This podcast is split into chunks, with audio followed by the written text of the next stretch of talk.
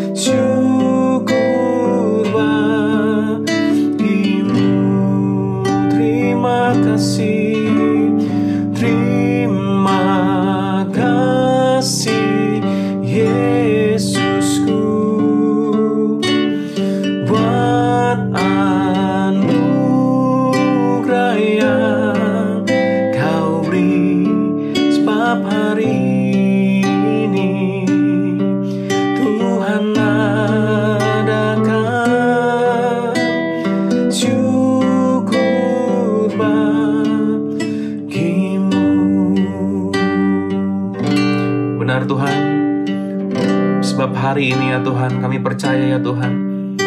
Engkau sanggup mengadakan hal-hal yang luar biasa dalam hidup kami ya Tuhan. Kebaikanmu ya Tuhan.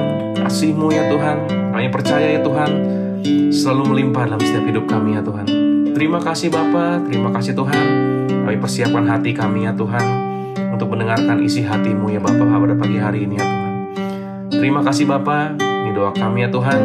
Dalam nama Tuhan Yesus Kami sudah berdoa Mari sama-sama kita katakan Amin Shalom para murid Tuhan, selamat pagi. Saya percaya kita semua hari ini terus ada dalam kasih anugerah Tuhan. Amin para murid Tuhan. Hari ini saya akan membawa para murid Tuhan untuk sama-sama membaca dalam Lukas 20 ayat 1 sampai ayat yang ke-26.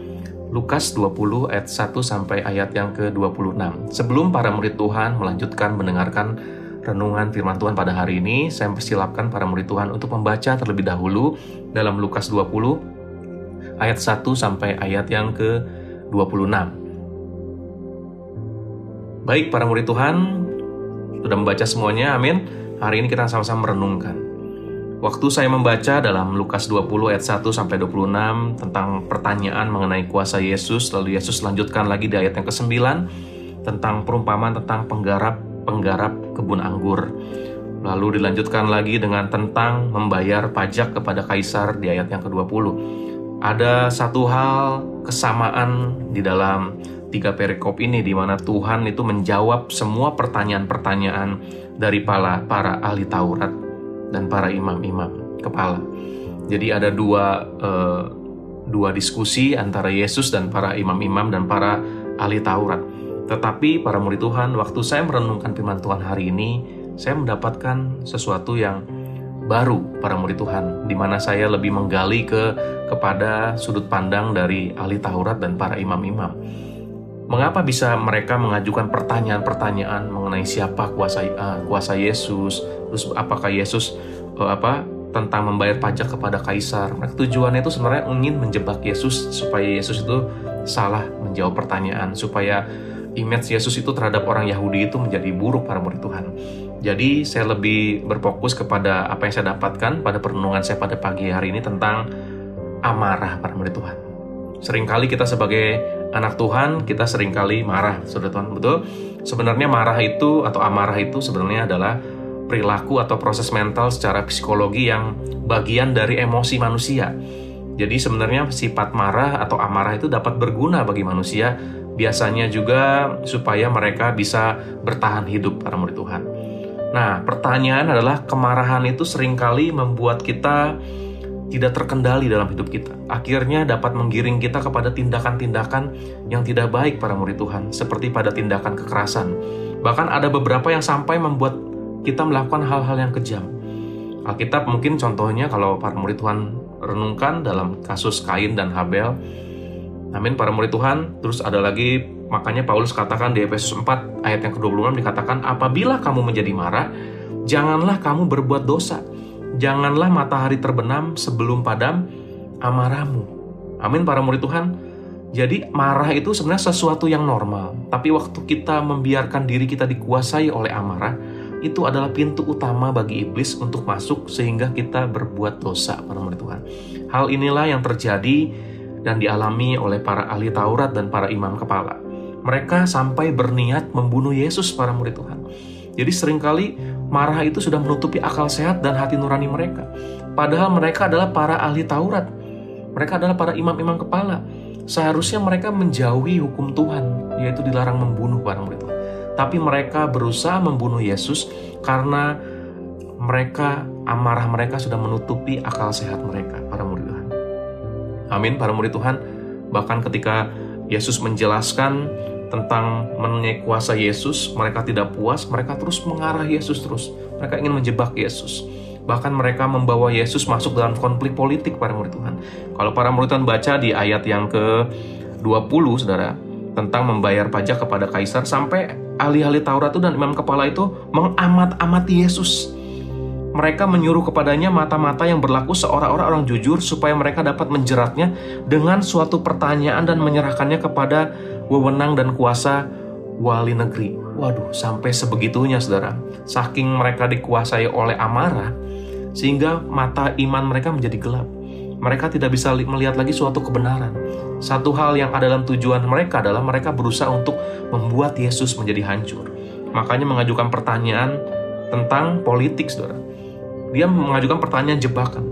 Jebakan yang dipasang ahli Taurat dan iman kepala itu sangat licik para murid Tuhan dan keji. Jika Yesus menjawab membayar pertanyaan, eh, jika Yesus sampai menjawab membayar kepada kaisar, berarti Yesus mengakui kekuasaan Romawi atas bangsa Israel. Yesus bisa dicap sebagai pengkhianat bangsa. Jika Yesus menjawab membayar pajak kepada Allah, berarti Yesus menentang pemerintahan Romawi. Dan itulah yang diinginkan oleh para imam dan para ahli Taurat. Yesus bisa dicap sebagai seorang pemberontak pada murid Tuhan. Sehingga dia bisa ditangkap oleh tentara Romawi. Saudara. Menanggapi hal itu tentu saja Yesus eh, seperti yang kita ketahui dia dipenuhi oleh roh kudus.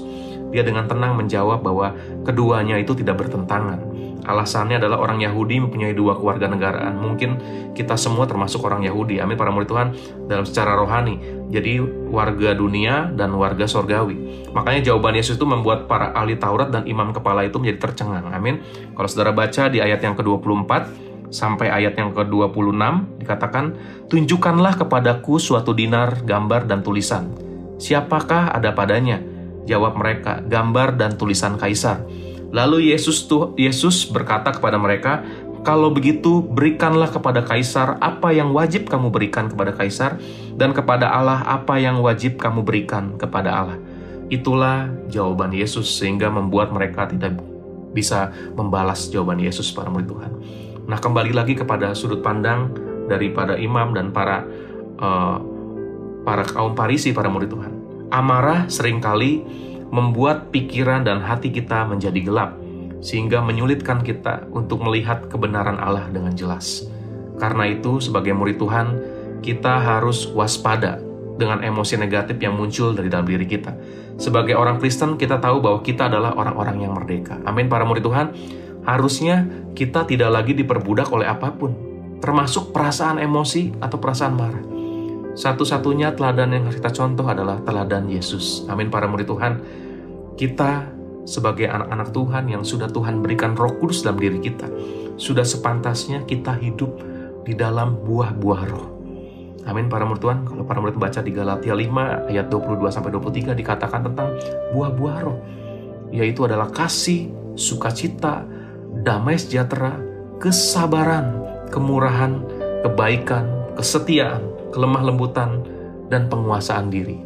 Amin para murid Tuhan, itulah yang harus kita cerminkan dalam hidup kita.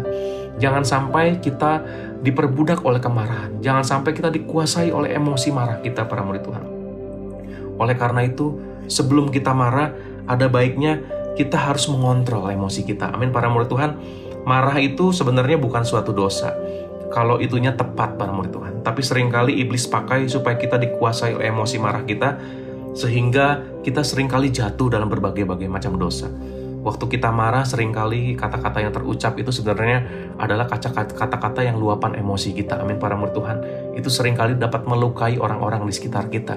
Itu mungkin melukai anak-anak kita.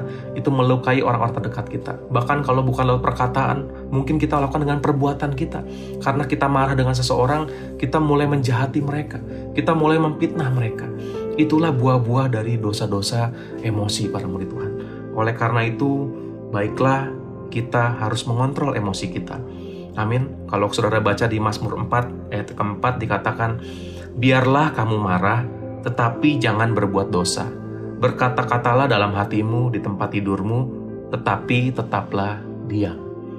Jadi sering kali diam adalah emas itu sangat manjur waktu kita sedang mengalami amarah. Amin para murid Tuhan karena waktu kita sedang marah biasanya kata-kata yang keluar itu kata-kata yang sebenarnya bukan maksud hati kita. Itu hanya luapan emosi saja. Jangan sampai perkataan kita itu bisa menyinggung orang-orang sekitar kita bahkan melukai hati mereka. Amin. Para murid Tuhan mari sama-sama kita juga miliki kerendahan hati untuk mau terus memaafkan kesalahan orang lain. Amin Bahkan firman Tuhan katakan di Efesus 4 ayat 26, jikalah mereka berbuat salah, janganlah sampai matahari terbenam. Amin, para murid Tuhan. Kita harus mengampuni orang yang berlaku salah dengan hidup kita. Waktu kita mengampuni mereka, sesungguhnya kita sedang memaafkan mereka, tapi juga kita sedang memberikan hidup kita ketenangan dan damai sejahtera. Waktu kita mengampuni orang yang bersalah kepada kita, kita juga seperti healing dengan diri kita sendiri. Amin, para murid Tuhan.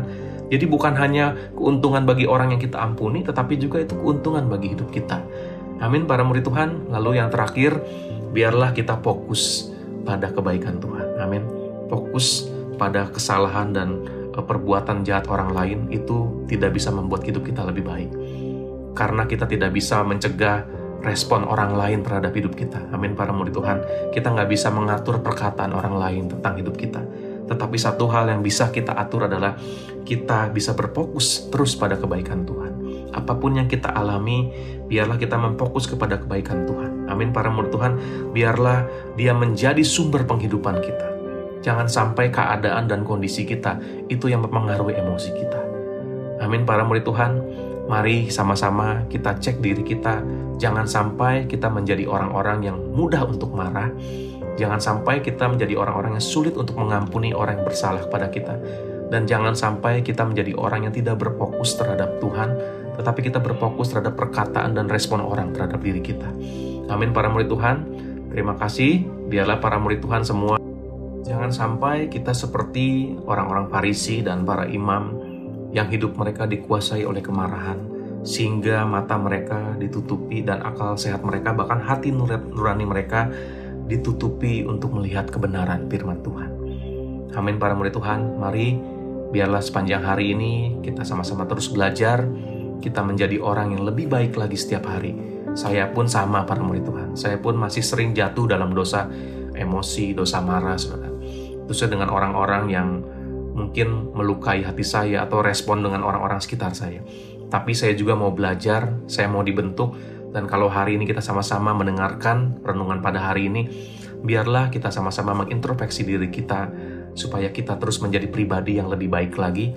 Jangan sampai kita seperti orang Parisi dan para imam di mana mereka dikuasai oleh kemarahan sehingga mata rohani mereka, hati nurani mereka ditutupi oleh emosi mereka sehingga mereka tidak dapat melihat kebenaran melainkan mereka terus tertuju dan berfokus pada masalah. Amin para murid Tuhan. Mari sama-sama, eh, saya percaya sepanjang hari ini, apa pun yang kita alami, teruslah berespon yang baik, kita berespon yang benar. Dan saya percaya setiap anak-anak Tuhan yang berespon yang benar akan bersinar, dan sehingga dapat menjadi berkat buat orang-orang sekitar kita. Mari sama-sama kita berdoa. Terima kasih Bapak, terima kasih Tuhan buat firman-Mu pada pagi hari ini ya Bapak. Kami bersyukur Tuhan, Kau sudah berikan isi hatimu ya Tuhan, di mana kami harus menjaga diri kami ya Tuhan dari setiap rasa amarah kami ya Tuhan. Kami percaya ya Tuhan apa pun yang terjadi dalam hidup kami sepanjang hari ini ya Bapa, biarlah hidup kami penuh dikuasai oleh firman-Mu ya Tuhan, oleh kebenaran-Mu ya Tuhan, bukan oleh perasaan kami ya Tuhan, tapi hidup kami dikuasai oleh firman-Mu ya Tuhan. Kami percaya Bapa, penyertaan-Mu Kau nyatakan atas setiap hidup kami, dan biarlah hidup kami terus ada dalam perlindungan-Mu ya Tuhan. Dan di masa-masa yang pandemik ini kami percaya Tuhan ada perlindungan-Mu kau nyatakan resep keluarga kami ya Bapak. Sehingga kehidupan kami ada dalam tangan-Mu ya Tuhan. Terima kasih Bapak, terima kasih Tuhan. Kami siap beraktivitas ya Tuhan, kami siap mempraktekkan firman-Mu ya Tuhan. Dalam nama Tuhan Yesus, haleluya, amin.